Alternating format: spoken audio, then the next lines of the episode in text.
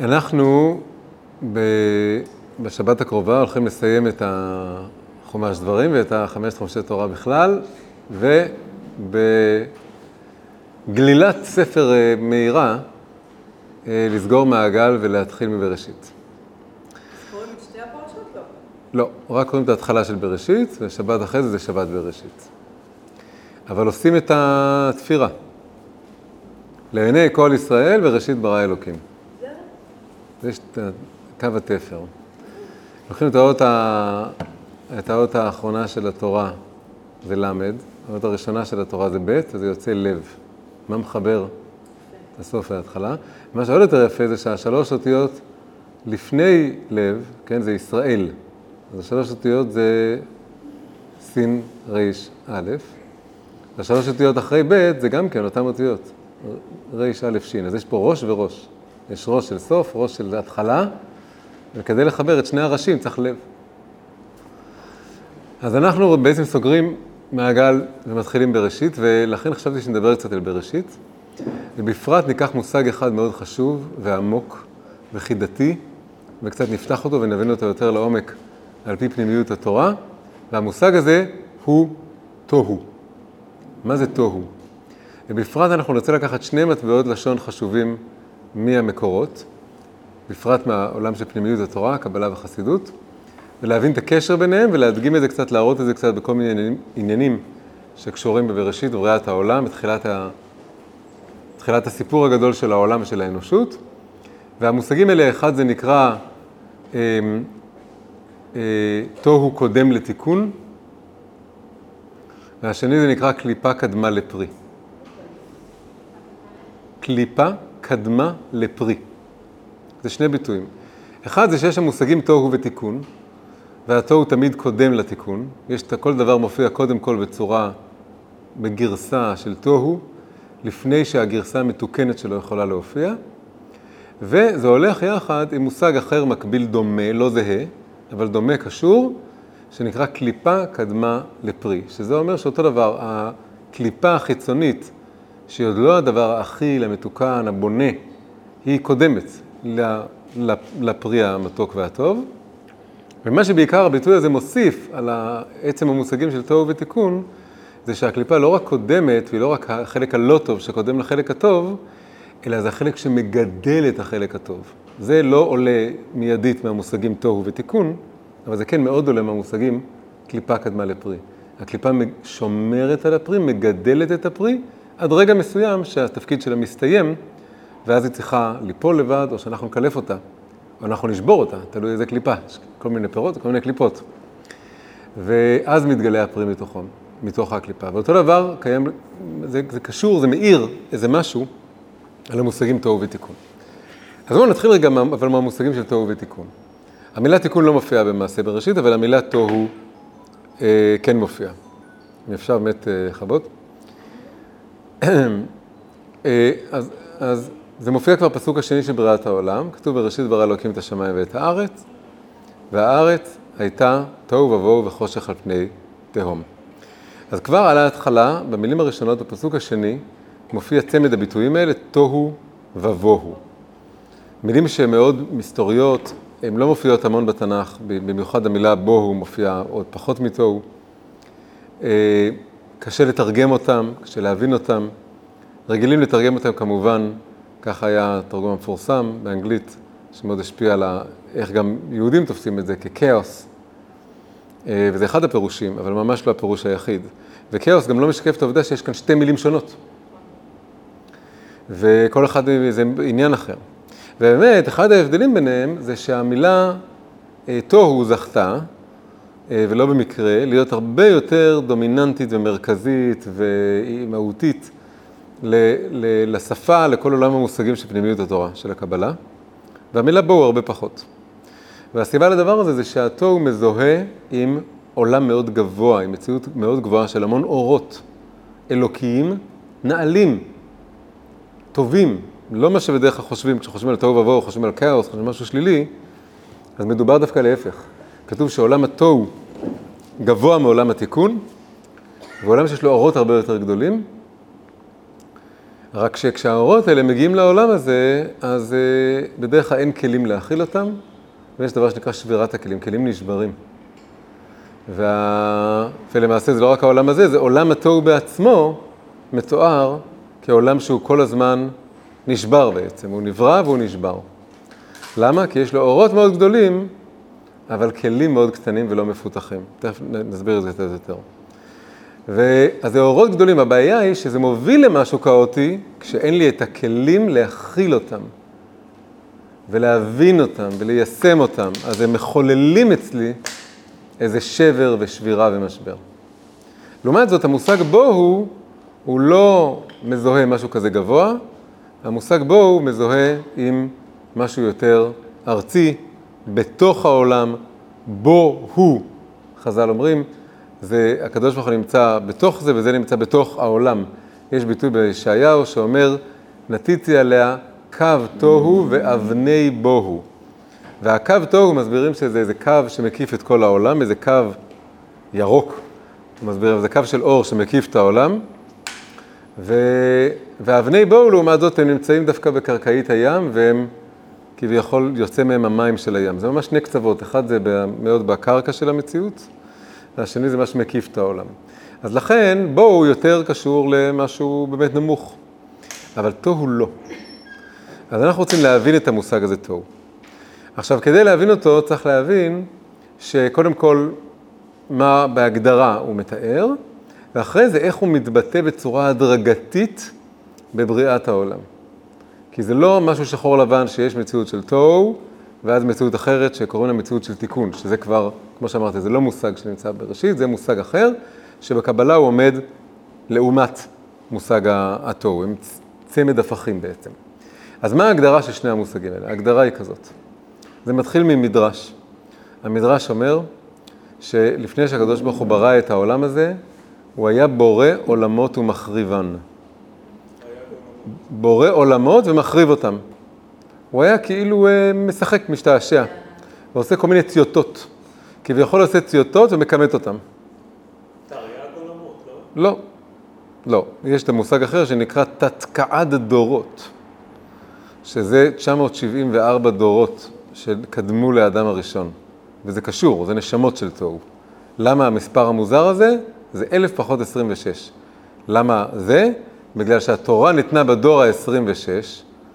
אם אתה הולך מאדם עד נוח זה עשרה דורות, מנוח עד אברהם זה עוד עשרה דורות, ומאברהם עד משה זה עוד שישה דורות. ביחד זה 26 דורות, אבל כתוב תורה ציווה לאלף דור. אז מסבירים שבעצם התורה ניתנה בדור האלף. אז זה אומר שהיו 974 דורות לפני בריאת העולם. זה קשור למושגים של התוהו, תכף נדבר על זה. אבל מדרש אחר לכאורה, מדבר על, על לא מונה מספר, מדבר על, אה, על זה שהקדוש ברוך הוא בורא עולמות ומחריבן, עד שהוא ברא את העולם הזה, והוא אמר, העולם הזה אהנה לי, הוא מהנה אותי, הוא מועיל אותי, להנות בארמית זה להועיל, הוא משמש אותי, הוא, הוא טוב לתפקיד שאני רוצה לעשות. ומה אפיין את העולמות האלה? אנחנו לא בדיוק יודעים, אבל בקבלה כל העולמות האלה מתוארים כעולם אחד כללי, כל המציאות הזאת, כולם גם יחד, מתוארים כעולם שנקרא עולם התוהו. ו- ומזה בא הביטוי שזה משהו עולה בתוהו. עולה בתוהו זה שהוא לא מצליח, הוא לא מחזיק מעמד. כמו שקדוש ברוך הוא ברא והחריב אותם. רק שהקבלה גם מביאה מין הסבר מעניין. וההסבר המעניין זה מתחיל מאוד מופשט וקבלי, לאט לאט זה יותר ויותר נגיש למציאות שלנו. אז המושג הקבלי אומר כזה דבר. הוא אומר שעולם התוהו היה מאופיין בכך שיש לו ריבוי אורות ומיעוט כלים. או, הגדרה יותר מדויקת, ריבוי אורות, הרבה אורות, אורות, גם אורות חזקים באיכות, גם רבים בכמות. ו... אבל הכלים היו, מה זה מיעוט? זה לאו דווקא קטנים, זה לאו דווקא מעטים, הכוונה היא בעיקר שהם היו קטנים ולא מפותחים. והם גם היו נוקשים, יש כמה, כמה תיאורים. הם היו שבירים בגלל שהם היו לא גמישים. כלי גמיש יכול להתרחב. כלי לא גמיש, שהוא שביר ושהוא נוקשה, אז הוא נשבר גם יותר בקלות. מה זה כלים? כלים זה, זה משהו כמו לבושים. מילה כלי בעברית היא גם לבוש, לא יהיה כלי גבר על אישה, הכוונה ללבושים. זה מה שמכיל את האור, זה אופן ביטוי או אופן גילוי של האור. אור זה כמו רעיון, זה כמו רצון, זה כמו חזון, זה כמו דחף, זה כמו מניע. וכלי זה משהו לא פיזי, זה משהו רוחני כלי. כלי זה, למשל, אה, אם המחשבות שלי זה אור, אז האותיות, השפה זה כלי. זה עוזר לקחת את המחשבות ואת הרעיונות שיש לי בראש ולנסח אותם ולסדר אותם ולהביע אותם.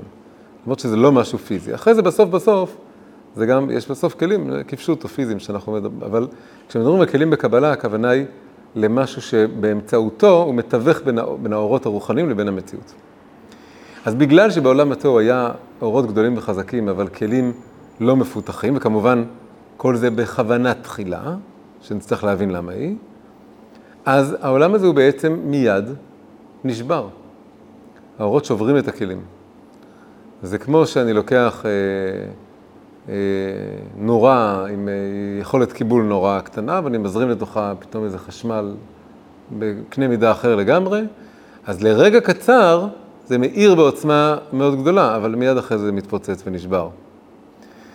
ו, ואז נשאלת השאלה המאוד מאוד גדולה, למה הקדוש ברוך הוא עושה את זה, ותכף ננסה לענות על זה. אבל בכל מקרה הוא ברא את העולם סלש עולמות האלה, והיה, כל האורות האלה הבזיקו לאיזה רגע קצר, ונשברו. ומה שנשאר מהדבר הזה זה שברים, רסיסים מעולם התוהו, זה נקרא שברי כלים. היה כלים, נשברו, שברי כלים, ובכלים יש עדיין כאילו ספוג בהם רשימו, רושם, זכר, לאורות של התוהו, שלרגע קצר הם הכילו אותם. ואז הוא בנה את עולם התיקון, שזה העולם הזה. ומה זה עולם התיקון? עולם התיקון זה עולם שהוא בדיוק הפוך. הוא מאופיין בכלים גדולים ורחבים וגמישים, ואורות מועטים יותר, שלא ישברו את הכלים. וגם זה לא דבר שקורה בבת אחת. חלק מהעניין, איך מגיעים לכלים האלה? דרך שכלול הדרגתי. המושג שכלול קשור למושג של פיתוח והרחבה של כלים, וקשור גם לעוד מושג שנקרא התקללות. שהתקללות זה היכולת, חלק מזה שכלים גמישים, שיש כמה כלים ברבים, והם צריכים להיפגש ולהתאחד אחד עם השני בכל מיני צורות. ולהכיל כל אחד קצת בחינות של האחר. וההתקללות הזאת היא בעצמה דורשת את הגמישות הזאת וגם מפתחת את זה עוד יותר, כמו לקלוע אה, רצועות וליצור משהו יותר גדול. אז גם זה לוקח זמן, וזה כל ההיסטוריה של העולם. ההיסטוריה של העולם זה לבנות בהדרגה, לפתח, העולם הוא, ה...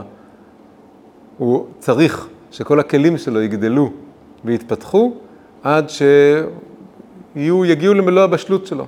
אז העולם הזה זה נקרא עולם התיקון, אבל חלק מהעניין שלו זה שהוא לא בבת אחת נברא ולא בבת אחת אה, מתמלא ולא בבת אחת נשבר, אלא זה מסע הרבה הרבה יותר הדרגתי וארוך, כדי שהכלים יהיו בוגרים ומשוכללים ומפותחים. כשנגמר מעשה בראשית, כתוב ויחולו השמיים והארץ וכל צבאם, ותרגום אונקלוס מתרגם את המילה ויחולו והשתכללו. הכוונה היא שמכאן, כשהקדוש ברוך הוא בעצם מניח לעולם ביום השבת, אז מתחיל תהליך השכלול הגדול, שנמשך עד היום, בכל הצמיחה הכללית של האנושות והפרטית של כל אדם ואדם. אז העולם הולך ומשתכלל, הכלים משתכללים, של כל אדם.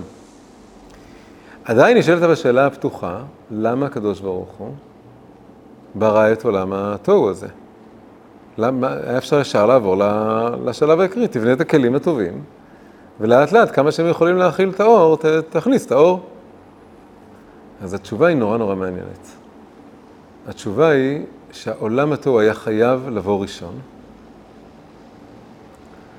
ולהישבר, ושברי הכלים היו צריכים להיות קבורים כאילו מתחת לפני השטח של העולם הזה שנבנה על ההריסות של עולם התוהו, כדי שמדי פעם, פה ושם, בכל מיני רגעים, בכל מיני מצבים, נחפור בכל מיני מקומות, ופתאום נמצא איזה רסיס עם ניצוצות מאורות הרבה יותר גדולים ממה שהעולם הזה יכול להכיל כרגע, וזה ידרבן אותנו להמשיך להגדיל את הכלים כדי שיכילו לאט לאט את כל האורות האלה.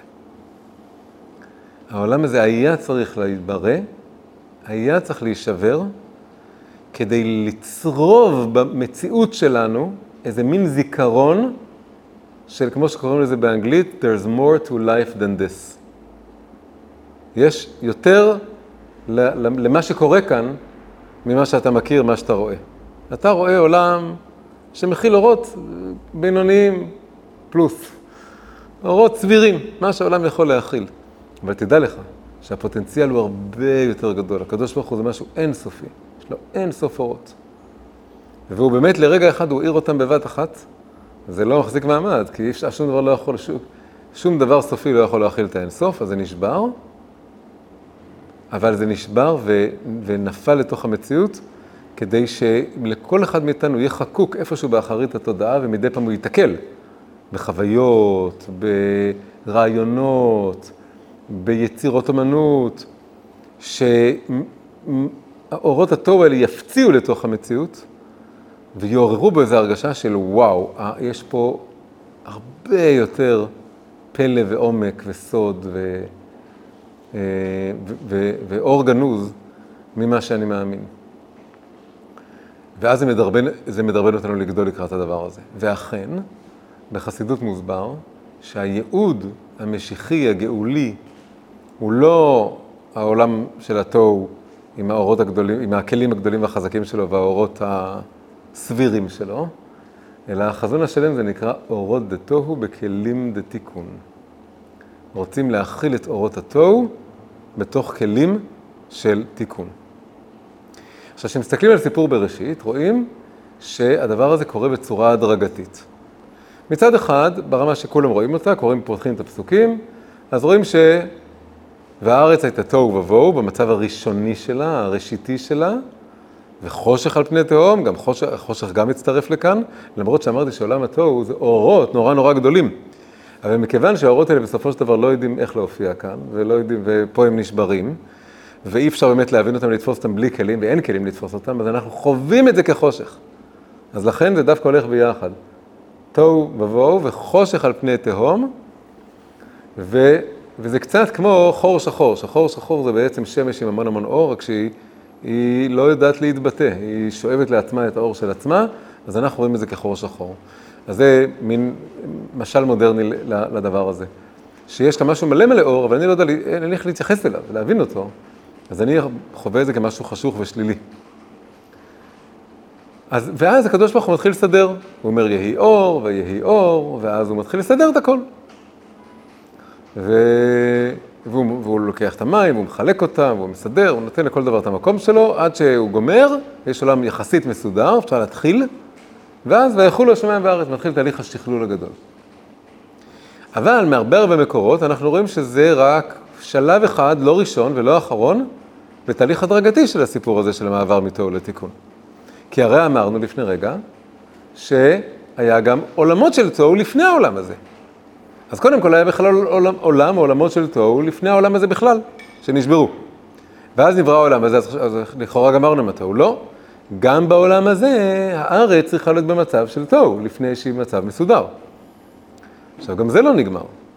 חז"ל אומרים שההיסטוריה של העולם, לפי התיארוך של חז"ל, אז אנחנו עכשיו בדיוק נכנסנו לשנה ה-5784 מאז בריאת העולם, וזה כל זה מחלק ממבנה שחז"ל מתארים אותו, של 6,000 שנה של היסטוריה רגילה, ואז אלף שביעי מיוחד, שזה בעצם אותו מבנה של השבוע בקנה מידה של אלפים. ו... ומסבירים שהששת אלפים שנה האלה מתחלקים לאלפיים, לשני אלפים, זה בלשונם, שני אלפים תוהו, ואז שני אלפים תורה, ואז שני אלפים משיח. שני אלפים תוהו זה עכשיו מעיף אותנו קדימה, שלא רק העולם לפני שנברא העולם היה תוהו, ולא רק תחילת המציאות הזאת נקראת תוהו, אלא כל האלפיים שנה הראשונות, שזה שתי הפרשות הראשונות, כמעט בדיוק, אה, של התורה. בגלל שהמבול קורה בשנת התרנ"ו, שזה שנת 1656 לבריאת העולם, ואברהם אבינו נולד בשנת, אה, זה יוצא א', ת', ת', ק', שזה במספרים שלנו 1948. אנחנו מכירים את המספר הזה מהקשר אחר, לפי הספירה הנוצרית. אבל 1948 לבריאת העולם היה שנת הולדתו, שזה כמעט בדיוק 2000. אה, זה יוצא שנת הולדתו של אברהם אבינו. בעצם יוצא לפי זה שבשנת 2000 עצמה, אז בן כמה היה אברהם אבינו? אם הוא נולד ב-1948, אז בשנת 2050 ו... רגע. 52, נכון, רגע. אז, אז רגע, יש משהו עם זה שהוא בן, שקורה שהוא בן 58. אה, כשנוח נפטר, נכון, הוא בן 52 בשנת 2000, כן, זה בעצם ערבבתי שני דברים. כשנוח נפטר, אז אברהם הוא בן 58, אז יוצא שהוא בדיוק בן נוח שנים. הוא מגיע למדרגה של בן נוח, ואז נוח יכול להיפטר מן העולם ואברהם יכול להמשיך אותו. אברהם מתחיל את הלכת לך שלו בגיל 75. אז בכל מקרה, האירועים שם זה הכל יוצא סביב שנת 2000, זה המעבר, מעברת השרביט מנוח לאברהם, זה הדור ה-20 של העולם, וזה 2000 שנים. אז בערך שתי הפרשות הראשונות. יוצא ששתי הפרשות הראשונות של התורה, הם הם, הן הן, 2000 שנות התוהו האלה. עכשיו, כמו שזה נמצא לפני בריאת העולם, וכמו שזה נמצא בתחילת העולם, וכמו שזה נמצא בכל האלפיים שנים הראשונות, ככה בעצם הדפוס הזה חוזר שוב ושוב ושוב ושוב בסיפורי בראשית, גם בתוך אלפיים שנות התוהו האלה וגם אחרי אלפיים שנות התוהו האלה. הדפוס הזה ממשיך, הדפוס שאנחנו כולנו מכירים אותו, שקין קודם להבל, וישמעאל קודם ליצחק, ועשו קודם ליעקב, והאחים של יוסף, הגדולים, קודמים ליוסף. וכל התהליך הזה הוא תהליך שבו כל פעם מחדש התוהו מגיע לפני התיקון. אור חדש מפציע לעולם קודם כל בצורה פרועה, כשעוד אין כלים להכיל בדיוק את האור הזה, ואז הוא, הוא נולד בגרסה שקוראים לה גרסה תוהית, גרסה שיש בה פוטנציאל המון המון כוח, אבל פה למטה בעולם הזה היא מתבטאת בצורה אה, לא יציבה, לא טובה, מעורערת כזאת, ונשברת. וזה סולל את הדרך, מוביל אל תופעה מתוקנת, את התופעה של תיקון. ואפשר לראות זה בצורה מאוד מאוד פשוטה בביוגרפיה האישית של כל אחד מאיתנו. כשאנחנו עוברים לדבר שנקרא גיל ההתבגרות, גיל ההתבגרות זה פשוט מאוד, עולם התיאור האישי של כל אחד מאיתנו. זה העולם שבו אנחנו נחשפים בתקופה מאוד מאוד קצרה להמון המון אורות, מתחילים להבין ממה עשוי העולם, קוראים הרבה, חושבים הרבה, ובאות המון רעיונות והמון מחשבות והמון אה, חלומות גם, מה אפשר לעשות עם העולם. לפעמים מאוד מאוד נאיבים, בגלל שהם מאוד, הם אור גדול, למה הם נאיבים? אגב, זה בדיוק זה. יש להם אור נורא גדול, אבל אה, אין כלים בגלל שאני בעצם עוד ילד, אני עוד לא באמת מבין איך הדברים, אני רק נחשף להמון אנרגיות ורעיונות ורצונות, ואני לא יודע איך בדיוק להוריד אותם למציאות ולבטא אותם. והתוצאה של הדבר הזה זה מה שקוראים משברי גיל ההתבגרות, שזה בדיוק עולם הטהור שנשבר. הילד המתבגר שמשתולל וחווה דיכאון ונשבר ומתבלבל והמצב רוח שמשתנה מרגע לרגע, הוא משחזר את מה שהעולם כולו עבר בעולם התוהו שלו. אז זה, כל זה הקדמה למושג הזה שנקרא תוהו לעומת תיקון, וכמובן כל הדבר הזה, אם נשלים רגע את המהלך של המתבגר, אז, אז אפשר לצייר את זה בצורה כזאת, אפשר לצייר שמישהו מתבגר, אז היום זה, כל דור זה לובש צורה קצת אחרת, אבל אחד הציורים הכי מפורסמים של איך זה נראה, מרד גיל התבגרות כזה, זה וודסטוק, זה ההיפים של שנות ה-60. שהם רצו שלום, peace and love, ורצו כבר להביא את אחרית הימים, ורצו שלא יהיו מלחמות בעולם בכלל, ורצו שכולם יחזרו לטבע, ורצו המון המון רצונות שנשמעים מאוד יפה וטוב. אבל אה, מה שקורה זה שזה, לא היה להם כלים. הם שיחקו באש, הם לא יודעים מה הם עושים בדיוק. זה היה עם סמים, זה היה עם פריצת גבולות, זה היה מאוד נאיבי, זה היה הקדמת המאוחר, זה היה... וזה הוביל המון, זה הוביל המון משברים, המון המשברים, משברים שונים מכל הסוגים. ו... והרבה מהם פשוט עזבו את זה, וחלק לא, חלק נשארו ילדים לנצח, והם קצת נשארים נשמות של תוהו, וחלק מתבגרים, מתברגנים, ועוברים לעולם של כלים, לאו דווקא מה שקוראים בתורה כלים, שזה כלים של קדושה, כלים של תורה, מחויבות, אבל, אבל מעין הדבר הזה. מעין הדבר הזה, כלומר, אם אתה מקים משפחה וילדים, אז זה, זה, זה נקרא יישוב. אחד מההגדרות של מעבר מתוהו לתיקון זה מעבר מרווקות לנישואין. דיברתי על מתבגר לעומת בוגר, אבל הכל הדרגתי פה. אז יש צד שהרווקות זה קצת עולם התוהו, עולם שנשמות חופשיות ולא קשורות אחת לשנייה ולא מתקללות עדיין אחת בשנייה בצורה חזקה.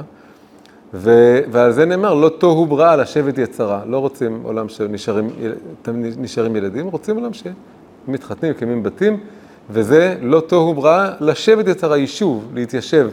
התוהו לפעמים קשור גם למדבר, מקום שאין בו יישוב, אין בו בתים. בתוהו ילל ישימון, כתוב בחומש דברים.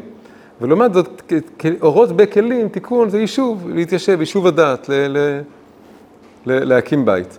אז בעצם אפשר להגיד שכל שלב בהתבגרות, להפוך מילד בן שלוש עם השיער הפרוע ואז עושים לו תספורת ראשונה, זה קצת תוהו לתיקון, וככה כל בר מצווה זה עוד קצת תוהו לתיקון. וככה כל שלב בהתפתחות זה מעבר מתוהו לתיקון.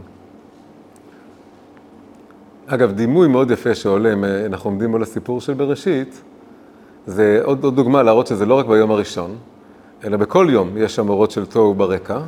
אחד הציורים הכי חזקים זה אחד הפירושים המתבקשים לציור המאוד חידתי שמופיע שם ביום החמישי, שלצד בריאת העופות והדגים והרמשים, רמשים, רמסים, אמ, זה שנבראים שם התנינים הגדולים. יש המון מדרשים. אמ? זהו, אז אחד, אחד הדברים שנראה מתבקש מאוד היום להגיד, שפתאום הלכו וחפרו ומצאו עצמות של לטאות ענק שמשערים ומשחזרים שהיו פה לפנינו, זה שזה ממש נראה מתחבר, כי תנין בתורה זה לא רק קרוקודייל, תנין זה הולך יחד עם, עם נחש, ועם, ועם באמת, תנין זה לטאה גדולה, וזה הולך עם לוויתן, זה מין משפחת דימויים של אה, משהו בין אה, לטאות דו-חיים כאלה, ל, ל, לחיות ים, ל, לנחשים, לכל הדברים האלה. ושבעצם המרכז שם זה עמוד השדרה, כן? ו... ופחות ה... הגפיים, זה כמו, כמו לטאות. אז התנינים הגדולים האלה זה מאוד מזכיר, זה מאוד מתחבר עם זה שזה דינוזאורים. ואם חושבים על באמת משל מודרני חזק לעולם התוהו שהיה ונחרב, ואנחנו משחזרים אותו וזה מאציל אלינו איזו השראה גדולה, זה הדינוזאורים, ממש ככה. כשאדם מודרני חי בעולם מאוד שקול ושפוי וטכנולוגי ומדעי, נכנס פתאום לאיזו עיר גדולה ול-Museum of Natural History, באיזה מוזיאון טבע גדול, ופתאום מקבל את פניו איזה שלד ענק, שלא משנה שאחוז עצום ממנו זה משוחזר, אבל זה לא משנה בכלל. מה שהחוויה שעובר עליו, זה שהוא אומר שפעם פעם התהלכו פה ענקים. זה היה פעם עולם, של, ולכן זה מצית הדמיון, בעיקר של ילדים ונערים. המחשבה שאולי אפשר להחזיר את הדינוזאורים, או לחזור לתקופה של הדינוזאורים, וילדים נורא מתלהבים מזה, הם מתלהבים מזה כי הם עוד איכשהו קרובים בנפש לתודעה הזאת שיש, שיש עולמות של תוהו. אז זה בדיוק מה שקורה לאדם המודרני, שהוא כאילו כבר אה, ציני כלפי מושגים אה, מיסטיים, כמו תוהו ותיקון, אבל הוא בעצם פוגש את זה כשהוא, כל פעם שהוא מסתכל על ספר עם ציור של דינוזאור, אה, וחושב על, על, על, על מין ענקים מופלאים כאלה, מרשימים, מבהילים, שהלכו פה, זה, זה באיזשהו מקום נותן לו איזו השראה, הוא עובר, מעביר אותו איזו תחושה של הפלאה.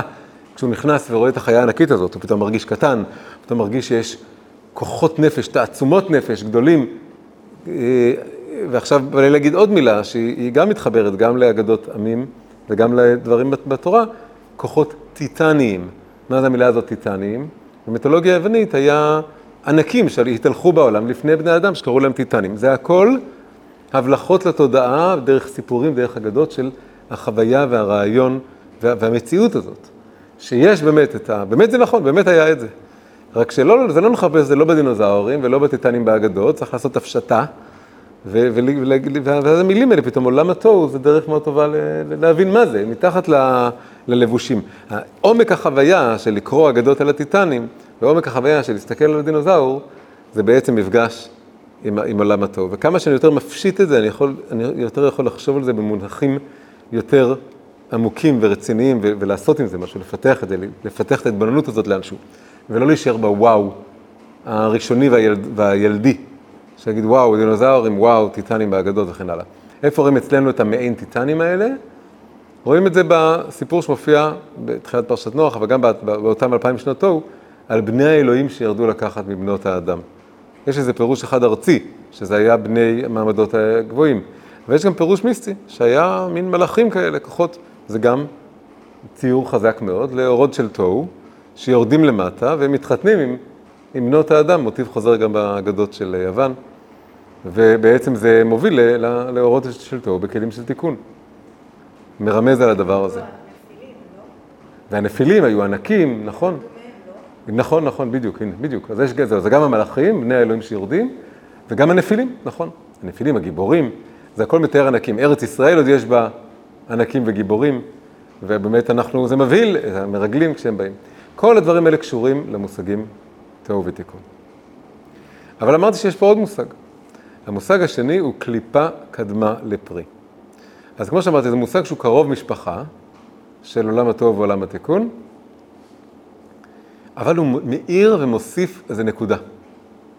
קליפה קדמה לפרי, כמו שאמרתי, מוסיף את הנקודה שעולם התוהו הוא לא רק בא בשביל, כמו שאמרתי מקודם, לצרוב זיכרון קמאי שיש דברים עצומים כאלה ואפשר לחתור אליהם ולשאוף אליהם וזה מדרבן אותנו לגדול, אלא זה גם נצרך כשלב, כי השלב הזה באיזושהי צורה מעניינת, בדיוק הפוך למה שאמרתי על אורות וכלים, הוא קצת הכלי ששומר על עולם התיקון. שזה זה קליפה ופרי. קליפה פה זה התוהו, והפרי זה התיקון, ופה הדימוי קצת מתהפך. התוהו נהיה דבר שעוטף ושומר ומגן כשלב התפתחותי, עד שיכול להגיח מתוכו המציאות של התיקון, ואז היא נהיית הכלי לאורות שהיו באותה קליפה. כן? זאת אומרת, יש את הקליפה שזו קליפה של תוהו, שעצורים בתוכה המון אורות, אבל אני לא רואה אותם, אני חווה את זה כחושך.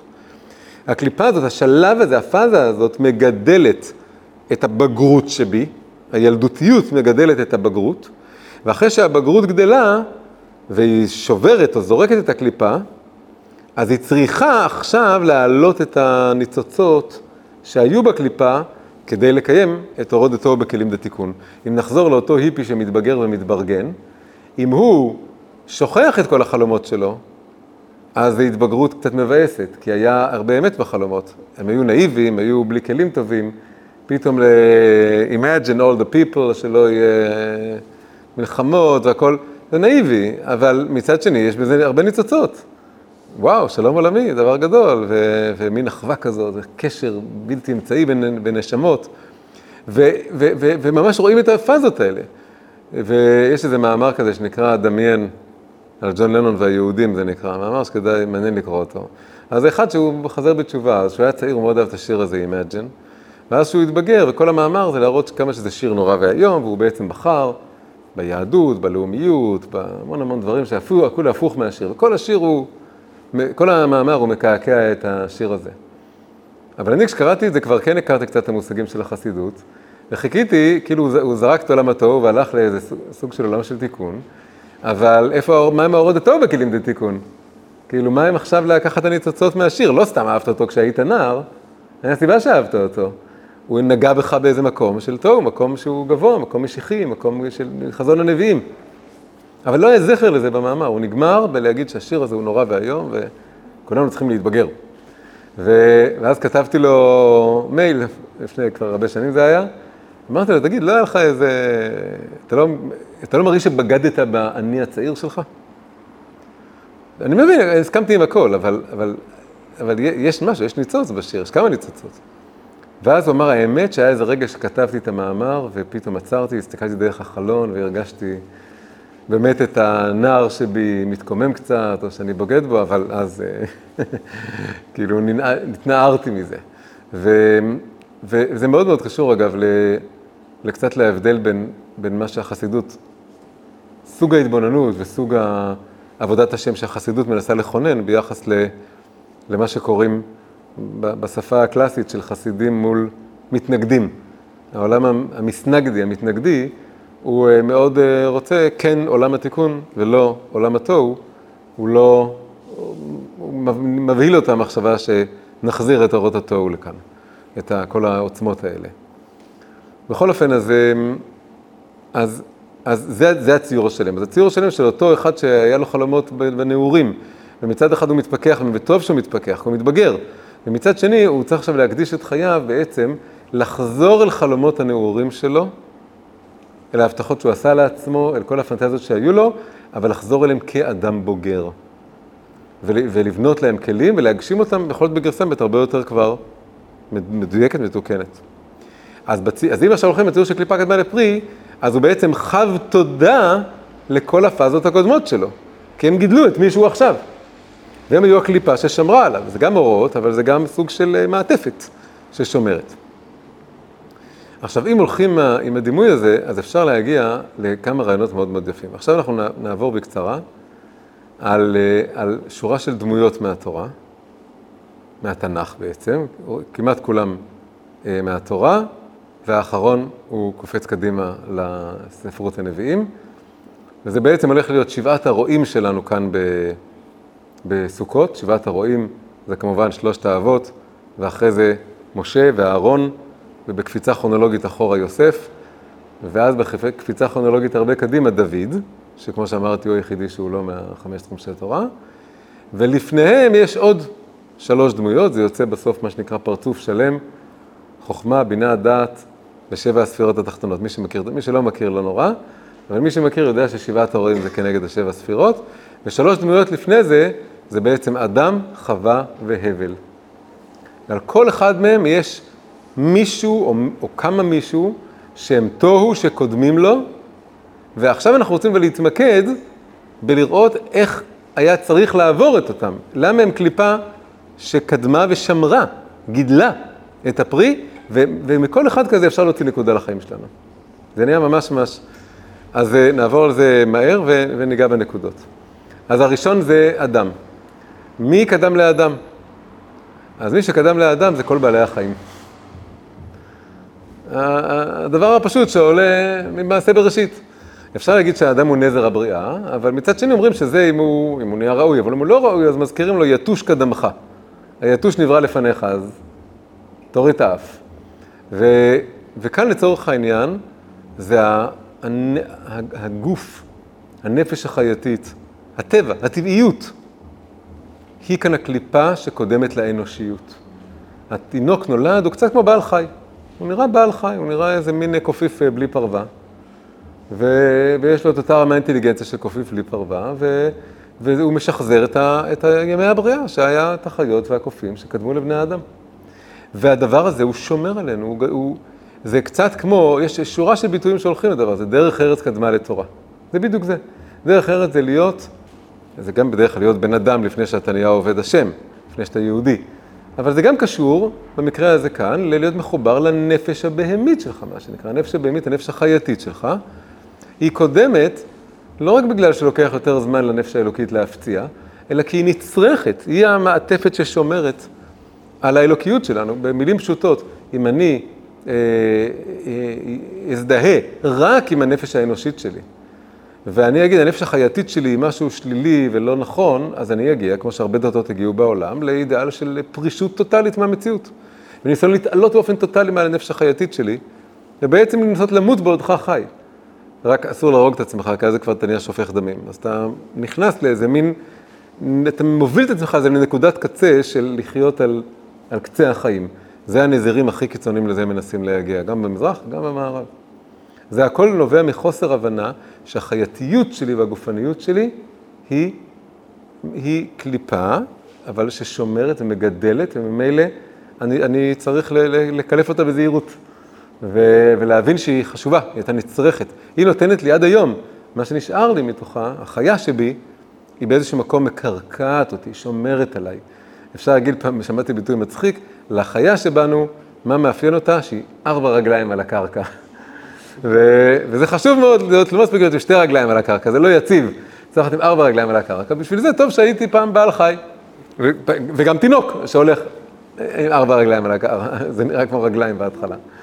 אה, עד שהם נהיים מידיים, זה חלק מההגחה של האנושי מה, מהחייתי, זה ההזדקפות הזאת. אז, אז זה אצל האדם הראשון, וספציפית צריך להגיד עוד משהו נורא מעניין, שזה לא רק חיות טיפשות. כי יש שם עוד, אחת החיות שקדמו לאדם, זה הנחש. הנחש ערום מכל חיית השדה, הוא מדבר והוא חכם, אבל לא בדיוק חוכמה, אלא זה נקרא עורמה.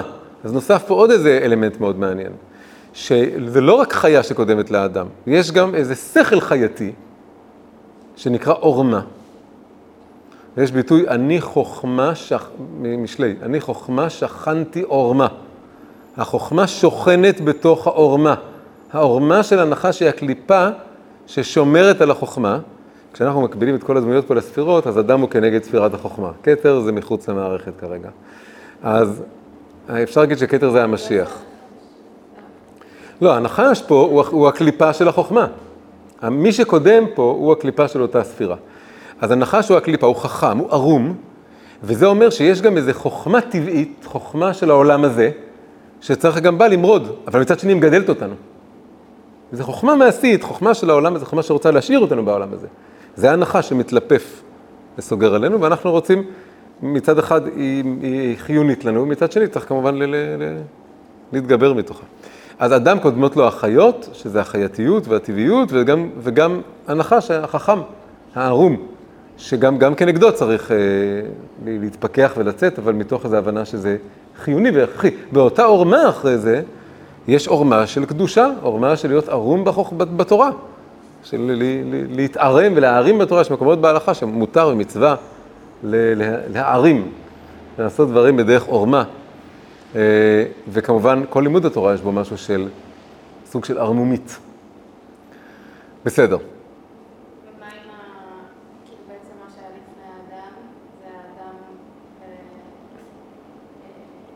מה, כל הנשמות האלה?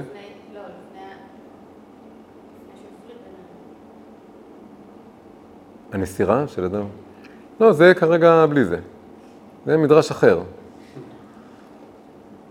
אבל קודם כל, כל, האדם פה זה גם אדם בכלל, המין האנושי, וזה גם ספציפית הגבר.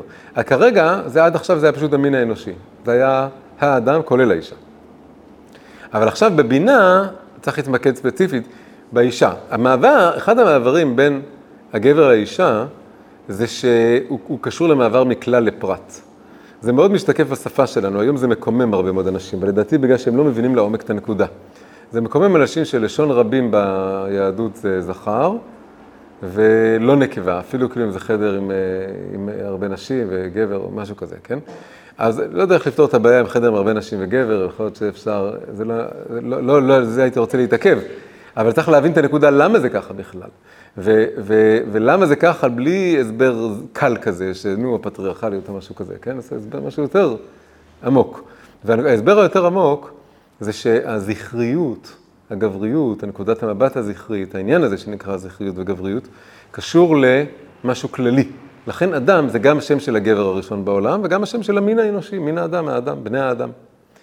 ו- ו- ולעומת זאת האישה, מקבלת שם ספציפי יותר. היא מקבלת שם ספציפי, כמו שאישה קשור, לאינדיב... שאם זה קבוצה, זה יהיה זכרי. אבל אם זה ספציפי, אז עכשיו זה או גבר או אישה. אז האישה קשורה לה, להופעה של הדבר הזה, והיא היא פתאום, היא, הראשונה שמקבלת איזה שם, כאילו שם, השם הראשון בעולם לפי זה, זה כאילו חווה, כן? וכי האדם זה לא שם, זה המין שלו, מין האדם, זה לא בדיוק השם שלו, האדם. עכשיו אדם וחווה זה לא אותו דבר, אדם זה, ה, זה מהו, וחווה זה מי היא, זה לא אותו דבר, זה לא מה היא, זה מי היא. זה משהו הרבה יותר ספציפי, זה אישי, זה אישיותי. והאישה קשורה למשהו יותר אינדיבידואלי. אז פה במבנה הזה מאוד רואים את זה, כי עד עכשיו אמרתי רק, האדם, האדם בא אחרי החיה, החיה קדמה לאדם, אז זה ברור שהכוונה לכל בני אדם. אבל עכשיו כשעוברים לספירת הבינה, פתאום מדברים על האישה בניגוד, חווה בניגוד לאדם. בניגוד לגבר מסוים אדם. עכשיו אצל חווה אותו דבר, חווה היא לא ראשונה, יש מדרש שזה, עשיתי איזה ספר שלם, אז מי שמכיר, מכיר את זה טוב, שיש מדרש חשוב שאומר שהיה עוד אישה שקדמה לה. היא הייתה אישה שבדיוק אפיינו את הדבר הזה, שהייתה אישה של תוהו. אישה שבעצם גילמה בתוכה את כל הפוטנציאל הנשי העתידי, שהמציאות עוד לא הבשילה עבורו. והנשיות כולה הייתה צריכה להבשיל בשביל לגלות אותו. מה? לא, אישה אחת. חווה הראשונה.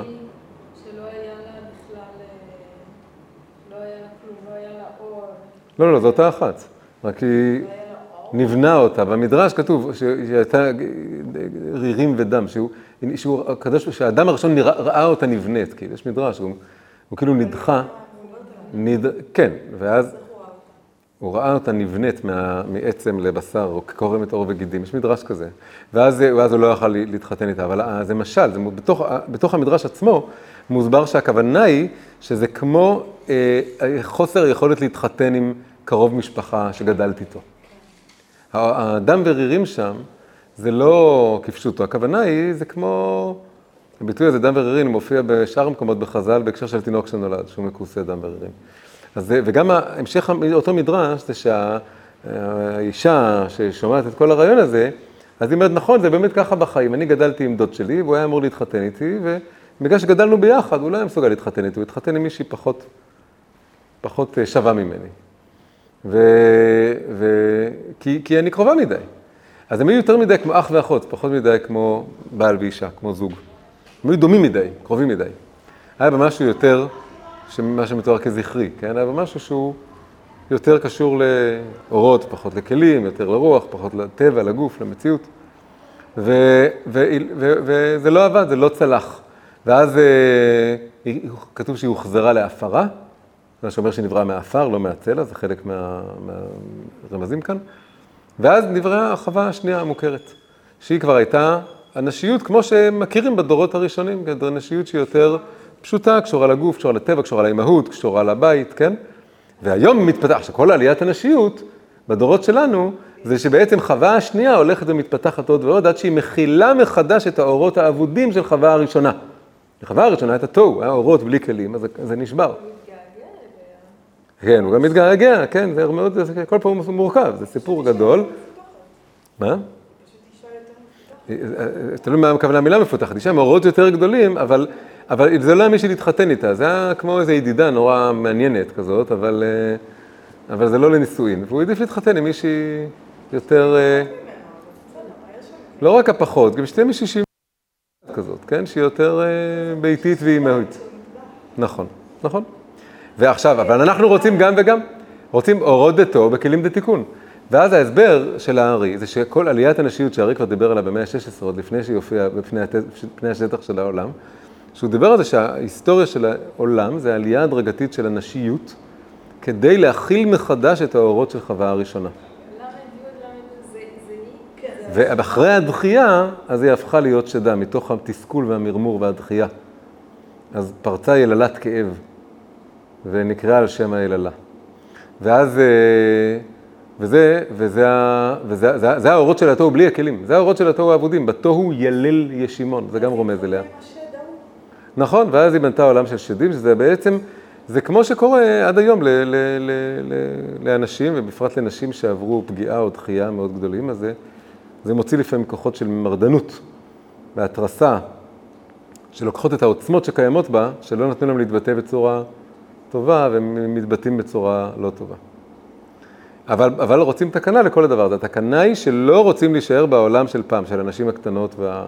שהן רק בבית ובמטבח ובעמדת המקבל, אלא רוצים, במובן הזה כל התנועה הפמיניסטית זה איזושהי התחלה של תהליך, עוד לא לגמרי מבורר ועוד לא לגמרי מתוקן, אה, אבל זה, זה work in progress, שזה בא להוביל להתגשמות של חזון מאוד... אה, מאוד גבוה ומאוד עמוק, שנמצא בתורה ובקבלה, של, של ההתגלות של הנשיות המלאה, המקורית, עד למצב של שוויון מלא, שנקרא משתמשים בכתר אחד.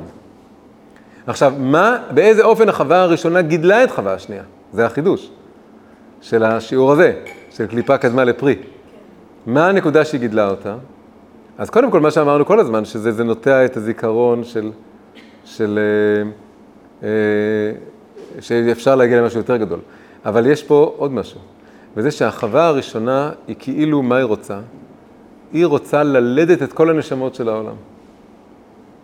היא רוצה לעשות הכל, היא רוצה ללדת מתוכה הכל, היא רוצה ללדת את כל המציאות באיזשהו מקום. זה קצת כמו הציורים שיש באומות העולם של מין גודס כזה, של אימא האדמה, אלה כזאת, שהיא, אה, הכל נובע מתוכה, זה מאוד פגאני, מאוד אלילי, כי אין בזה את הממד הטרנסצנדנטי.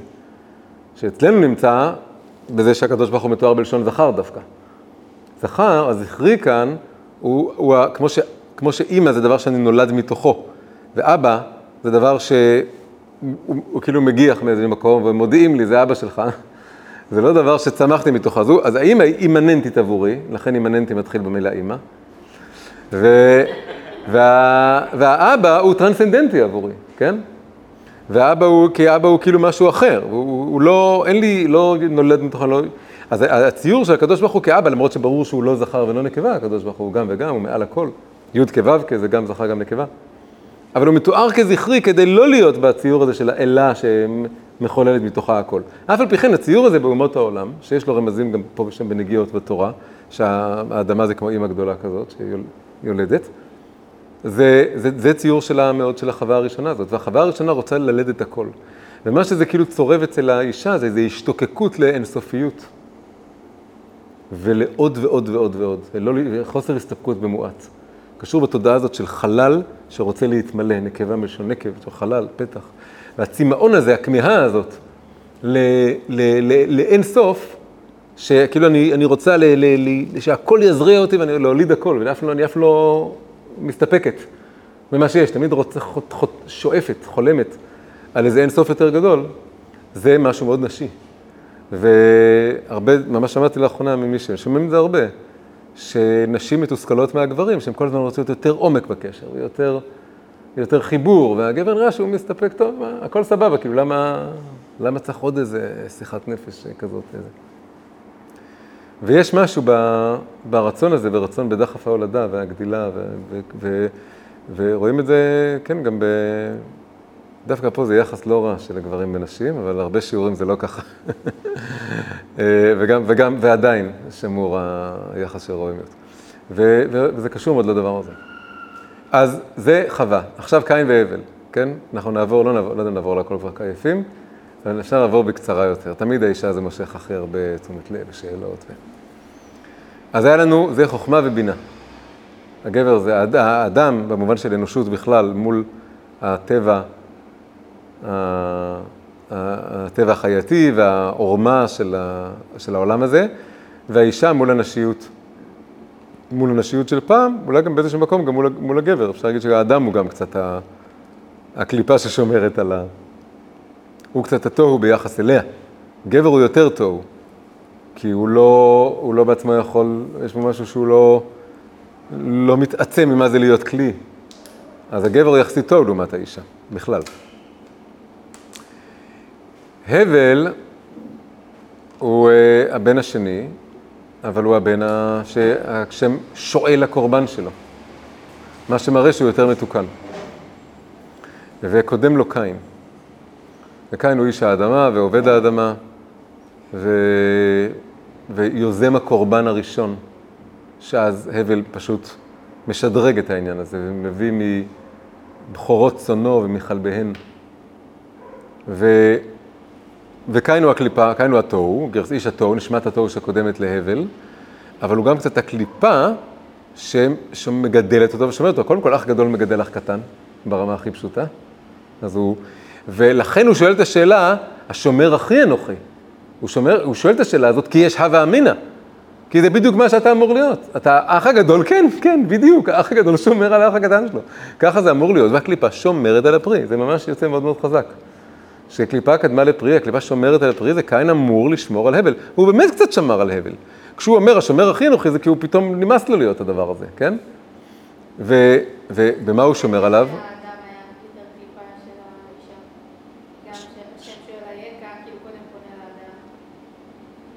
כן.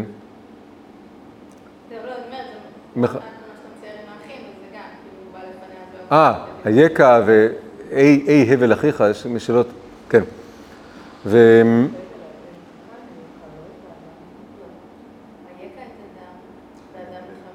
כן, הוא שואל את האדם אחרי החטא. הוא גם מעניש, הפוך, הוא מעניש את האדם, ואז חווה, ואז את הנחש. הוא הולך אחורה. ו... אז קין נותן להבל את הקרקוע, קין הוא עובד אדמה. וקין, זה קצת, זה קצת חוזר על מה שהיה עם uh, החיות והאדם. קין זה בעצם, אני אגיד יותר חזק מזה, קין שזה ספירת הדעת. קין נותן להבל את מה שנקרא מודעות עצמית שקודמת למודעות אלוקית. מודעות עצמית זה מודעות לעצמי, להיות עסוק בעצמי. איך רואים שקין מלא מודעות עצמית? ש... הוא לא באמת נותן את הקורבן בלב שלם. הוא נותן, אבל לא מבכורות או ממיטב אה, הפירות שלו, הוא נותן מה- מהפירות שלו. וכשהקורבן לא מתקבל, נתינה אמיתית זה שאני מוכן גם שלא יקבלו את המתנה. ואם אני מתחיל להתמרמר ולעשות עסק ולרחם על עצמי, אז סימן שלא באמת נתתי, נתתי בשביל אה, לקבל. אז הבל, קין מלא מודעות עצמית. והוא מאוד מרגיש את עצמו, חש את עצמו. הבל לא, הבל הוא, מעופף כזה, הוא רוח, הוא, הוא אוהב את השם. אז לכן הוא מוכן לוותר. ואז, אבל, המודעות העצמית היא שלב מעבר מאוד חשוב בדרך למודעות אלוקית. אי אפשר לעבור למודעות אלוקית, מה הנפש האלוקית שלי חושבת, מה הקדוש ברוך הוא רוצה ממני, איך אני אסתכל על העולם, בלי שאני לפני זה, ברמה הכי פשוטה, חווה מודעות עצמית, מתוקנת. עודף מודעות עצמית זה כבר נהיה עיסוק בעצמך אובססיבי, וזה בדיוק הקין, שעסוק בלהתקרבן ולרחם על עצמו, והרחמים העצמיים מובילים אותו למקום הכי גרוע שאפשר להגיע. כי בסוף, ברחמים עצמיים, כשאתה מותח את זה לקצה הכי האחרון, אתה מוכן להרוג את מישהו אחר, הוא, הוא, הוא פולש לך למרחב, הוא לא, הוא, הוא, הוא, כל זה אשמתו בכלל. אבל המודעות העצמית הזאת, לפני שמקצינים אותה, היא כלי. ואחרי זה רואים דבר מאוד יפה, שהשושלת של קין לא נכחדת לפי חז"ל. יש שושלת של קין ואז שושלת של, של שת. שת הוא במקום הבל. שת לי אלוקים בן תחת הבל בני. והוא גלגול של הבל, זה הגלגול הראשון. ואז, ו- ומעניין מאוד ששתי השושלות האלה מגיעות לשני אנשים שנקראים באותו שם, למך הצאצא של קין ולמך הצאצא של שת. ונולדים להם ילדים. ואחד הילדים של למך נקראת נעמה, ואחד הילדים של למך נקרא נוח, ו- ולא כתוב את זה במפורש, אבל חז"ל עושים מין אחד ועוד אחד, ואומרים, למה מזכירים את השם של נעמה? כי שמות של נשים בתנ"ך זה נדיר, אם מזכירים יש סיבה. אז uh, הם אומרים, למה היא מוזכרת? כי אשתו של נוח. ואז יוצא שבזכות המדרש הזה אנחנו מבינים שאנחנו כולנו בני נוח מצד אבא שלנו נוח, אבל אנחנו גם צאצאים של קין, של נעמה ושל קין. ומה מביאה, מה מביאה איתה נעמה, מה מביא איתו קין דרך נעמה? הוא מביא יותר מודעות עצמית. והיא נצרכת, היא חלק עמוק מהעניין. ובזכות המודעות עצמית, על גבי זה, במידה הנכונה, שאני בכלל אבין מה קורה איתי, אשים לב מה קורה עם העולם, ואז אני יכול לצאת למסע חיפוש רוחני, ואז אני יכול להגיע למודעות אלוקית. ואחרי זה יש דבר מושג שלישי של לחבר אותם ביחד, זה נקרא מודעות טבעית. זה לקחת את המודעות האלוקית, וליישב אותה, זה הורדת אותו בכלים דתיקון. למרות שזה לא בדיוק מסתדר כמו שאמרתי, אבל זה השילוב שלהם, זה מודעות אלוקית בתוך מודעות עצמית. ומה פה אורות, מה פה כלים, זה לפעמים מתהפך, כמו שאנחנו בכלל רואים בכל המבנה הזה. אז, אז זה קין שקודם להבל, קצת באמת שומר עליו ומגדל אותו ונותן לו משהו חשוב, שהבל לבד היה חסר לו את הדבר הזה. עכשיו עוברים לשבעת הרועים, כן? מדלגים קדימה. אפשר, אפשר לכאורה להמשיך עם זה, אבל, אבל הקפיצה, הדור הבא המובהק שזה קורה בו זה אברהם. עכשיו יש לנו שבע ספירות חסד, גבורה, תפארת, נצח, חוד, יסוד, מלכות, וזה כנגד שבעת הרועים. אז עוד פעם, ננסה לעשות את זה עכשיו, להריץ את זה, כי כבר יפים. אז מי קודם לאברהם? אז זה נורא מעניין, אברהם, קודמים לו כל הדורות של הגויים. כל הגוי אישקייט. כמה דורות יש לפני אברהם? איזה דור הוא אברהם מהאדם הראשון? הדור ה-20. לא, 26 זה משה. אברהם הוא הדור ה-20, זאת אומרת שיש 19 דורות לפניו. בפרט זה ההורים שלו, אבל בית עובדים, בית, אבא שלו עובד אלילים. והוא גדל בבית הזה. זה. כן, אבל עשרה דורות כולל אברהם. אברהם הוא הדור ה-20, אז יש 19 דורות לפניו. כמה זה גוי בגימטריה? 19. אז יש גוי דורות, יש 19 דורות של פשוט בני אדם. מה זה גוי? גוי זה בן אדם. אנושיות. הרעיון הזה של אברהם מעבר אחד וכל העולם מעבר שני, מצריך עבר שני. כדי לעבור, כדי להיות עברי ולעבור לצד השני של הנהר, אני חייב את- הצד הראשון, אני חייב את העבר הראשון. אני חייב את שני, זה תלוי אחד בשני. אני חייב את האלי לנפץ אותו, אני חייב את האנושיות להוסיף על גביה עוד קומה. והאנושיות הזאת זה בדיוק הדרך הארץ שקדמה לתורה. ברור שלפני שאברהם אבינו היה יהודי טוב, הוא היה בן אדם טוב. זה ברור שהתכונות גם של החסד שלו, זה לא בא משום מקום. זה ברור שזה הגיע מאמא שלו, הגיע מאבא, זה הגיע מאיפשהו. זה לא... מה? גם הערבים קיבלו. כן, זה בוודאי, זה אחרי אברהם, זה כבר, זה משהו אחר, כאילו זה. ו, וכל המציאות הזאת היא, היא כמה שזה תוהו יחסית לתיקון, זה גם שומר ומגדל, וצריך להמשיך לשמור. להיות גוי, להיות בן אדם, זה הבסיס ללהיות יהודי טוב. כדי, כדי להיות גוי קדוש, אני צריך קודם להיות גוי, ואז אני יכול להיות גם גוי קדוש. אז זה אברהם. יצחק, מי קודם ליצחק? ישמעאל. ישמעאל, עוד פעם יש לנו אח גדול ואח קטן, כמו שהיה עם קין והבל, כן? עם אברהם זה לא ככה, וגם עם אדם זה לא ככה, עם חווה זה לא ככה, אבל היה את זה עם קין והבל, וזה חוזר עוד פעם עם ישמעאל ויצחק. מה נותן ישמעאל ליצחק? אז אפשר לחשוב כמה דברים, אבל אחד הדברים שיש כאן זה, אני חושב על שני דברים. אחד, שהוא נותן לו את, ה, את הצחוק, שניהם צוחקים, גם ישמעאל מצחק וגם יצחק מצחק. אז שני צחוקים מאוד שונים, הצחוקים של ישמעאל הם שליליים, צחוקים שיש בהם משהו מבהיל. מה? אם, הוא, הוא נקרא על שם הצחוק, והוא גם מצחק את רבקה אשתו. ו... וישמעאל היה לו איזה צחוק של אה, שעשוע של העולם הזה, שזה גם דבר חשוב. אבל הייתי אומר עוד משהו, בזה שהוא הבן של השפחה ולא הבן של הגבירה, הוא נותן לו אה, הרגשה של, אה, שהיא חשובה מאוד, הכנה ללהיות מה שנקרא הבן של הצדיק, הבן של הרב. אברהם הוא הרב הראשון באיזשהו מקום, אב המון גויים, ויש בו גם את המילה רב שם, והאב רם הזה הוא גם קצת רב, הרב שכולם, הרבי שכולם הלך לימד את כולם לברך ולהתפלל, רצה להחזיר את כל העולם מאלילות לעבודת השם. ו, ואז יש את הסינדרום של מה שנקרא להיות הבן של הרב, הבן של, ה, הבן של הרב, של היישוב, של הישיבה, וזה תיקונים לא פשוטים. יש היסטוריה לא פשוטה לבנים של רבנים, כולל אה, יש ציפיות? בחז"ל. יש ציפיות? יש ציפיות, יש איזה נטל, יש איזה משקל.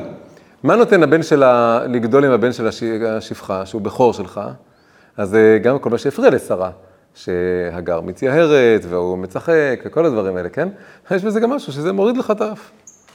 וזה חלק מהמפתח של הגבורה של יצחק, שהוא מאוד ממוקד ועובד על עצמו, ו- ו- ומכונס, וחופר בארות, ונשאר בארץ ישראל, וכל התכונות שלו שקשורות לגבורה, זה קשור באח הגדול, שלא נתן לו להיות הבן של הרב, הבן של הצדיק, לא עם הגאווה שבזה ולא עם התזבותי מזה. שתי, ה- שני הדברים שיכולים לקרות. איזה מזל, כי זה לא ידעתי לפני השיעור מה אני אגיד, אבל זה פתאום אה, הגיע. אז, אה, אז זה, היה גבורה. עכשיו תפארת. תפארת זה יעקב. מי קודם ליעקב? עשיו. עוד פעם אח, אבל אי אפשר להגיד אותו דבר שאמרנו על ויצחק, כי זה אח תאום, מאותה אימא, והוא פשוט נולד ראשון. אז קודם כל יש מדרש מאוד יפה, שאומר שאומנם אה, עשיו נולד ראשון ויעקב נולד שני, אבל אה, זה כמו שפופרת שאתה קודם כל הכניסו את עשיו, ואז הכניסו, סליחה, קודם כל הכניסו את יעקב, ואז הכניסו את עשיו, אז הם יצאו בסדר ההפוך, כן? זה מדרש כזה, מצחיק. שאומר שכשיש לך איזה שרוול כזה, אז הראשון שיוצא זה האחרון שנכנס, ולא הראשון שנכנס, כן? שיש פה איזה מין היפוך, שבעצם זה התוהו והתיקון, זה בדיוק ה... עכשיו, איך רואים שעשו הוא תוהו? בגלל שזה גם חזאיה עם אברהם וגם פה, שאבא שלו נורא אוהב אותו, אבא שלו מאוד מאמין בו ואוהב אותו. והוא נשמה של, של תוהו, יש בו המון אורות והמון עוצמות, והוא איש שדה ואיש ציד, ו... והוא נשמה יותר גבוהה, ככה יש המון הסברים על זה, הוא המגלם של העולם התוהו. בכלל, עשיו ויעקב הם ה, זה ספירת התפארת פה, זה האמצע, הם כאילו המ, המשל, שני גויים בקרבך, ושני לאומים ממאייך יתפרדו. הוא זה, רוצה לרצוח אותו, אבל אה, בהמשך, כן. בסדר, כן. כן, זה מתחיל, וקודם כל זה, זה הכל בגלל שהוא גנב לו את הברכות. כל הסיפור של יעקב שהוא עוקב מלידתו. הוא עוקב אחרי עשיו ומנסה לרשת את מקומו ולתפוס אותו, רב יעבוד צעיר. והוא עוקב אחריו ומנסה להכיל, והוא מתחפש אליו, והוא, והוא, ואז הוא מתחתן עם מי שהייתה אמורה להיות אשתו, שזה לאה, שהיא גלגול של חווה הראשונה. ו, ו, והכל בעצם מנסה לאט לאט להכיל את האורות והעוצמות שלו. המשחק פה של מה הקליפה ומה הפרי מופיע בהכל כל יעקב הידיים ידי עשיו. אם עשיו זה האורות, אז למה פה זה הידיים והוא לובש את הידיים, כן? כי, כי זה, זה הולך, זה, המילה המרכזית גם זה עוצמות, והעוצמות מתגלות בכלים יותר מבאורות, בקליפה ששומרת. אז האורות, העוצמות, הפוטנציאל של הרוחני של אה, אה, עשיו, וזה מתבטא בעולם העשייה, עשיו בלשון עשייה, בידיים העשיות. אז עשיו נותן ל, ליעקב, שומר על, על יעקב, מ, נגיד את זה במילה מאוד פשוטה, יעקב הוא איש תם, יושב אוהלים, הוא דואג שהתמימות הזאת לא תהיה נאיבית. תמימות היא בסכנה להיות נאיביות, זה לא תמימות טובה. אתה צריך להיות תמים כמו סבא שלך אברהם, כי זה בדיוק יעקב אשר פדה את אברהם, ספירת התפארת מאירה מחדש את האורות של החסד, אבל, אבל בצורה יותר מאוזנת. וזה אומר שצריך להיות תמימות לא נאיבית. אברהם היה בו משהו קצת נאיבי, בזה שהוא רצה ישמעאל, אה, יצחק, שיגדלו ביחד, והוא רצה שכולם יהיו בשלום עולמי, ושרה הייתה הרבה יותר מפוקחת ממנו. וכדי שיהיה את הפיכחון הזה גם ליעקב, אז עשיו נותן לו אה, גם כן קרקוע כזה, את האיש ציד, איש שדה, איש העולם הזה, משהו מאוד ציני. והציניות הזאת שומרת על איש תם יושב אוהלים, ש... ואחרי זה הוא עובר אה, מסע שלם עם זה, עם לבן, לבן ממשיך את ההשתלמות באיך לא להיות נאיבי. ואז הוא חוזר, גם, ואז הוא גם מתפייס עם עשיו, כי בעצם נגמר השיעור. כאילו כל השיעור הזה, של להיות איש מאוד ממולח ומפוכח ומאוזן, יעקב עובר אותו. הוא עובר אותו בזכות אנשי התוהו האלה ששומרים עליו, שזה עשיו ואז לבן. אחרי זה יש לנו משה, אהרון, יוסף ודוד. אז, אה, אז השאלה אם נעצור כאן, כי הבנו את הפרינציפ. אז פה זה נהיה קצת יותר מעניין. מי קודם למשה? מי שקודם למשה זה פרעה. משה נהיה המלך והמוביל של עם ישראל. מי לפני משה מושל על עם ישראל, מנהיג את עם ישראל? פרעה. יש הסבר, אף על פי שפה משה יוצא בספירת הנצח, אבל בשורש, בשורש, הנצח, השורש שלו הוא בחוכמה, מה שבהקשר הזה הקדשנו לאדם הראשון. ויש הסבר שלם בזוהר מאוד מאוד יפה, שמשה הוא בא מהחוכמה, ו... אבל פרעה הוא בא מהכתר, רק מהכתר של הקליפה. פרעה יותר גבוה ממשה רוחנית גם. יש לו עוצמות וכוחות, והוא הוא מדורי דורות הוא מלך. והוא שייך לספירת הכתר, רק ספירת הכתר של הקליפה, ומשה הוא ספירת החוכמה של הקדושה. ו- ולכן משה מאוד מאוד פוחד לבוא לפרעה, כי הוא מרגיש שהוא במדרגה יותר גבוהה ממנו. זה בדיוק התוהו שקודם לתיקון. אבל בצורה הכי הכי פשוט, ו- ו- ואז הוא אומר לו, בוא אל פרעה, הכוונה היא בוא אליי ואני אתן לך את הכוח להיכנס לפרעה. בוא אליי, בוא אל תוך עצמך, בוא פנימה. תתחבר לכתר שלך, לכתר של הקדושה, אז תוכל להגיע למדרגה שלו ותוכל לנצח אותו במשחק שלו. וכל החרטומים יפלו והכל ייפול, וזה מה שקורה. אבל עוד לפני זה, פרעה גידל את משה. ומה הוא נתן לו? הוא נתן לו נצח, זה יכולת לנצח ולכבוש, הוא נתן לו גינונים של מלך, הוא נתן לו את הכלים של מלך. אז אם אנחנו רוצים להיות קצת משה רבנו, אז, אז, אז יושב בתוך כלים של אה, מלכותיות כזאת אה, לא טובה, מתנצחת, חצופה. איזה עזות דקדושה, עזות דקליפה, שהיא נצרכת כדי להוציא מתוכך את העזות דקדושה של שלח את עמי וכל הדברים האלה. אז זה מאוד קשור לספירת הנצח ולמשה רבנו. ולמה פרעה הוא לא רק תוהו שקודם לו, הוא גם קליפה שמגדלת אותו ונותנת לו משהו. שאחרי זה צריך ל- ל- לעזוב את זה, ל- ל- ל- לגייר ולתקן את כל הכוחות האלה. אהרון זה אחד הדברים הכי הכי מעניינים. אמנם אהרון נהיה כהן, כי בוחרים בו להיות כהן, אבל יש מיד קושייה שעולה עליו, ועד שהקושייה לא נפתרת, אז כתוב שהוא לא מקבל את הכ"ד מתנות כהונה. הוא לא, אין את החותם, את החותמת האחרונה על הכהונה שלו, וגם רואים את זה בפשט של הסיפור, ולכן הדמות של התוהו שלו, המקטרג שלו, מי זה המקטרג שלו? קורח. קורח הקרוב משפחה שקודם לו, אם הולכים לדודים, זה כל החשבונות שהוא עושה, הוא היה אמור להיות הכהן. וזה מה שמפריע לו, הוא לא בא למרוד במשה, הוא כאילו מאתגר את משה, כי משה בחר את אהרון לכאורה, לפי דבר השם. אבל קורח מרגיש שהוא היה צריך להיות הכהן הגדול, זה באמת באמת מה שהוא רוצה. ולכן אחרי הסיפור שלו, שכבר האדמה בולעת את קורח, אז יש כל הנס עם המטות, כדי להראות לכולם שהשבט לוי הוא השבט שנבחר, וממנו, אה, ודווקא מהמטה של אהרון, לא רק לשבט לוי, שממטה אהרון אה, פורח השקד וכל הדבר הזה. אז יוצא שהקליפה שקודמת לאהרון זה אה, קורח. אז, אז מצד אחד קורח הוא מתנגד לו, מצד שני קורח הוא באיזשהו אופן מגדל אותו. אבל כאן אין לי הסבר טוב.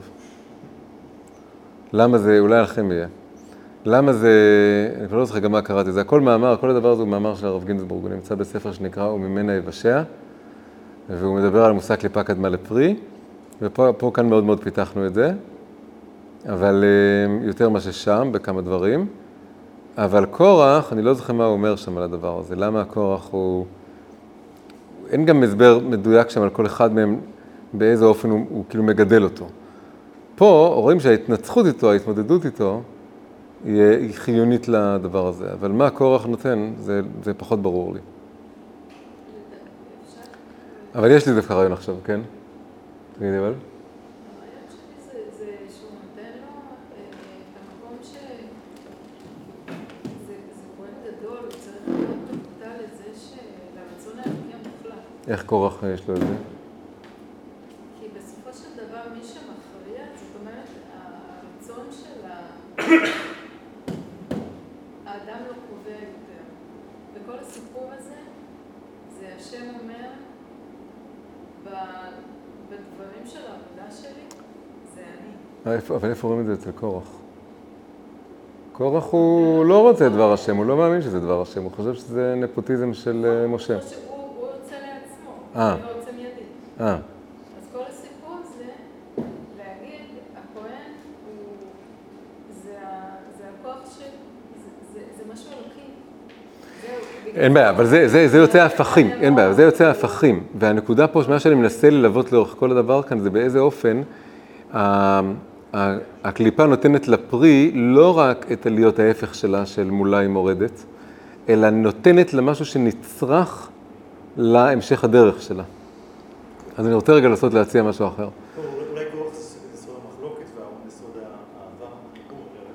אז נ- נ- כן, אבל עוד פעם, זה יוצא, כן, זה, זה מדגיש את ההפכים שלהם, נכון, זה מדגיש את ההפכים. לא, אבל יש לי... לא, לא? כי קורח הוא כולו מחלוקת. אה, אתה אומר כדי, צריך להבין, המחלוקת של קורח. היא- לא לשם שמיים. לעתיד לבוא. לעתיד לבוא. לעתיד לבוא יהיה... יהיה- תהיה כן לשם שמיים. כן. בגמרא- במשנה כתוב, אה, זוהי מחלוקת שאינה לשם שמיים. בסופו של דבר הוא מגיע באיזושהי נקודה מאוד גבוהה. אנרכיסטיות, כולה ידי כולם קדושים. הוא מגיע או, אז זהו, אז אני, אני דעתי זה נמצא בביטוי הזה, כל הידע כולם קדושים. הוא לא באמת מתכוון לזה בצורה אמיתית וכנה. הוא אומר את זה כי זה נשמע טוב וזה דרך טובה ל- להסית את כולם למרד, כמו שאומרים גם היום, שהמילה דמוקרטיה היא מילה מאוד מאוד אפקטיבית, כשרוצים אה, לשנע המונים אה, נגד השליט. ו... ו... אבל מצד שני, ברור שיש בה הרבה, הרבה כוח, יש בה משהו, מש- משפט מאוד אמיתי, מאוד נכון. באמת כל העדה כולם קדושים, באמת כולם היו במעמד הר סיני, וכולם נביאים, ו...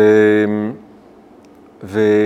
והדבר הזה, התודעה הזאת, היכולת אפילו להשתמש בדבר הזה, ככלי, כ... אפילו, אפילו אם זה קליפתי וחיצוני, זה באיזשהו מקום יסוד לעבודה של אהרון, שגם בה יש משהו דיפלומטי. באהרון יש משהו דיפלומטי. יש אפילו סיפור שהוא קצת משקר כדי לעשות שלום, שהוא הולך לאנשים שרבים, והוא קצת משקר, הוא אומר לשני, אתה יודע, הוא, החבר שלך נורא מצטער, ואז הוא רץ מאחד לשני, וככה הוא, הוא רואים פה שהוא, הוא, יש בו איזה, גם כן איזה ממולחות שמזכירה את קורח, קצת ציניות כזאת, רק הרבה, הרבה יותר בקדושה, כי כשהוא משקר על החבר שמצטער, הוא מתאר את, ה, את הפנימיות שלו, שהוא מאמין בו, שהוא בסוף, שהוא, שהוא בעומק ליבו מצטער על הריב הזה, ושהוא היה רוצה להתפייס. ושהוא מתגעגע אליו. ואז הוא מעורר געגועים אצל השני, ואז גם אצל הראשון באמת. בסוף זה מתגשם. אבל זה דורש, גם כן, כמו הערמומיות של הנחש, זה דורש קצת משהו מהפוליטיות של קורח. יש משהו בפוליטיות של קורח, שמאפשר, נותן כלים אחרי זה לאהרון, לגדול ולהשתמש בדברים. צריך לעשות שלום בין כולם, ולרדוף שלום, וצריך בשביל זה להבין את המחלוקת, להבין את הקטטה. וליישב מחלוקות צריך להבין מחלוקות. צריך להבין מה, אם אתה לא מבין מחלוקות, אז פשוט אמרו, תעשו שלום וזהו. אז זה לא אחד שיודע לעשות שלום. אז במובן הזה אני חושב שאפשר לדבר שקורח גם כן הוא קליפה שומרת ומג- ומגדלת באיזשהו מקום את, את הארון, ואז נשאר לו. הרושם הזה הזיכרון הזה מקורח נשאר לו הדבר הזה. צריך עוד לחשוב על זה, לפתח את זה, ואני מרגיש שזה... עכשיו אני גם נזכר מה כן כתוב שם בספר. כתוב שם בספר שה... זה כיוון אחר, קודם כל זה כיוון מעניין. יש משהו ב... בתקיפות שנשברת, שכל השאול הזאת שנפתחת מתחת האדמה, אז אולי גם בסיס לכל עבודת הקורבנות, התפילות, האש שעולה מלמטה למעלה, זה הכל מאוד, אתה מרגיש את האדמה פעורה מתחת הרגליים שלך אם לא תעשה את העבודה טוב. אז יכול להיות שהעונש של קורח הוא מה שמגדל, זה מאוד מעניין. ואני נזכר שמה שכתוב שקורח הוא בעצם מסמל את הלוויים, והכוונה היא פה שהלוויים קודמים לכהנים. קורח הוא דמות מסוימת. אבל הכוונה היא פה שהקליפה שקדמה לפרי לאהרון הכהן זה הלוויים, שזה השירה ומה שעוטף את כל עבודת הכהנים, שהיא יכולה להיות מאוד סתומה ולא מתקשרת, בלי השירה של הלוויים מסביב, שהיא המעטפת של הדבר הזה, וממשיכה ללוות ולגלות. בכל מקרה, יש פה משהו שמכמה זוויות אפשר לפתוח אותו, אז יצאו כבר כמה וכמה דברים מעניינים. יוסף זה גם דבר נורא מעניין. מי שקודם ליוסף זה שכם בן חמור. שכם בן חמור הוא אה, חומד את, אה, ו, ו, וחוטף ולוקח ופוגע בדינה, ולפי המדרשים הבת שלהם היא אסנת שמתחתנת עם יוסף, יוסף מתחתן עם הבת שלהם ונקבר בשכם. ואחד הדברים שרואים שמאוד חזק, שמשותף לשניהם, שהם קשורים לספירת היסוד, ששכם מגלם את פגם הברית, הצורה הכי גדולה שיכול להיות, שיא העורלה, כל הסיפור שם הוא סביב ענייני העורלה, מודגש כמה הוא ערל, והעורלה מסמלת בעצם את, ה, את החספוס בתחום היצר, שבשיא הקליפה שלו זה, זה המקום שאונס, שבמקום לתת הוא לוקח בתחום של האישות. ויוסף הוא כולו, כל כולו מגלם את תיקון הברית, כי הוא עמד בכל הפיתויים של אשת פוטיפר ובכלל מצרים, והוא יוסף הצדיק, צדיק יסוד עולם, אז הוא תיקון, תיקון של הברית. עכשיו, קודם כל יוצא פה כמה דברים מעניינים. קודם כל זה ששכם גידל את אשתו של יוסף, אז הוא קצת גידל אותו, קצת שומר, שמר, הוא גידל את אסנת, עד שבאו, גם אם זה היה רק אה, אה, בזמן ההיריון, כי היא נולדת בחוץ, לא משנה. לא, היה איזה תקופה בהיריון שהיא הייתה תחת חסותו, דינה, והוא, והוא אה, שמר עליה, הוא היה, היא גם כתוב שהיא לא רצתה לעזוב. מה? דינה הייתה אמורה להתחתן עם נכון, נכון. והם היו נשמות כאילו, יותר מזה, דינה הייתה אמורה להיות יוסף. כי כתוב שדינה הייתה אה, זכר בהתחלה, ולאה התפללה, עשתה דין בעצמה. והתפללה כדי שלא לבייש את, אה, כי זה אומר שלרחל יהיה רק בן אחד, ולשפחות שתיים, אז היא אומרת שלפחות זה יהיה לה כמו השפחות. ואז יש מדרש שהיא בעצם, אז ומי זה, מי זה הבן הזה? מי הבן הבא שנולד? זה יוסף, יוסף ובנימין. אז סימן שההיריון של לאה עם, עם דינה היה בעצם נשמת יוסף, ואז היא אומרת, לא, לא, לא, זה לא ייתכן, ואני חייבת לפני שזה יהיה בת, ואז יוסף נהיה דינה, ואז יוסף פלד לרחל. ואז הם קשורים מאוד מאוד, יש כל הדמויות פה, שכם, דינה, יוסף, זה הכל אותו סיפור. אז שכם הוא הקליפה, הלאום הזה של יוסף, וגם כשיעקב מברך את יוסף, הוא אומר, נתתיך שכם אחד על אחיך. הוא מתאר אותו בתור השכם של האחים. או שהוא יהיה בשכם אחד איתם, כדי שלא יהיה את התיקון לכל הסכסוך אחים. אבל הביטוי שמופיע הוא שכם, הוא נקבר בשכם. יש עוד אופן שבו אפשר לומר לשכם שהוא כביכול מגדל, או נותן איזה משהו נצרך להתפתחות של יוסף, וזה שכדי להיות מתוקן בברית, אז כמו שכולנו צריכים להיוולד, כל הגברים צריכים להיוולד עם עורלה שאז מסירים, למה בכלל להיוולד עם העורלה הזאת? זה מאוד מזכיר גם מה שהיה עם קין והבל, זה המשך של הדעת, זה היסוד, זה המודעות עצמית שקודמת למודעות אלוקית. המקום של היצריות הפשוטה, הטבעית, המרגישה את עצמה, החשה את עצמה, הוא בסיס והכנה לכל תיקון הברית. תיקון הברית זה לא כדי להיות פרוש, תיקון הברית זה כדי להגשים את, ה, את כל הנושא המיני בצורה הרבה יותר מתוקנת. בשביל זה צריך שהמיניות תדבר אליי באיזושהי צורה אה, פשוטה, לא מתוקנת, לא מבוררת.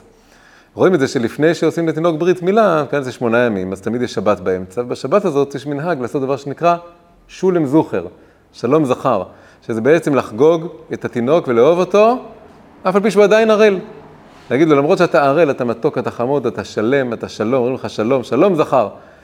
וזה הכנה לברית מילה. הברית מילה לא יכולה להיות ברית מילה בלי שעושים קודם כל שלום זכר, שזה איזה הרעפת אהבה בלתי מותנית, שבעצם נותנת מקום של שבעה ימים לעורלתיות, לשכם שלפני שכם, כל הגסות והנוראית שלו, הוא מודע מאוד לכוח המיני שלו.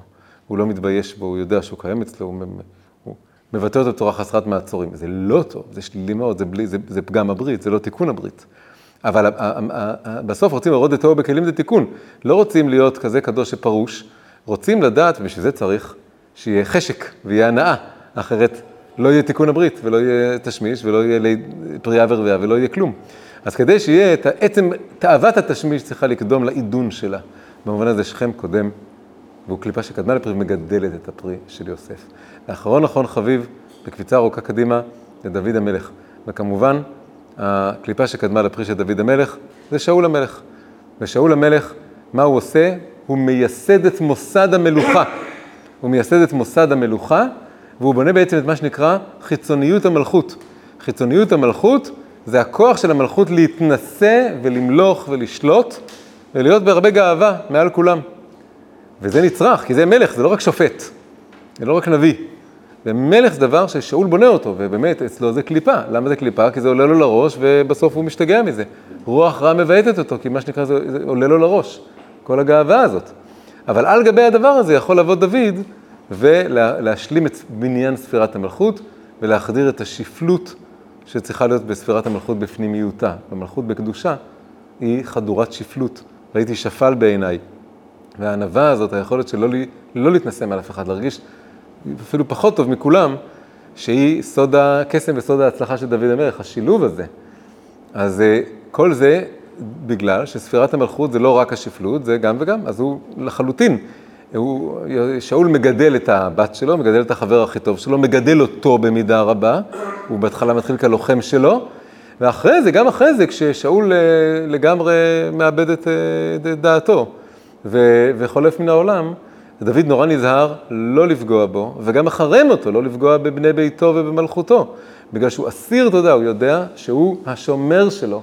הוא, הוא בנה את חיצוניות המלכות, מוסד המלכות, הלבוש של המלכות, השם מלאך גאות לבש. היכולת הזאת להתנשא היא חלק מיני ובי של ספירת המלכות ושל כל הדמות של המשיח, משיח בן דוד, שהוא כל כולו ספירת המלכות בקדושה. אז עד כאן היה אה, סקירה מהירה, אבל גם איטית, של אה, מושג תוהו ותיקון, קליפה קדמה לפרי, ואיך זה מתבטא בעשר הדמויות האלה מהתנ"ך.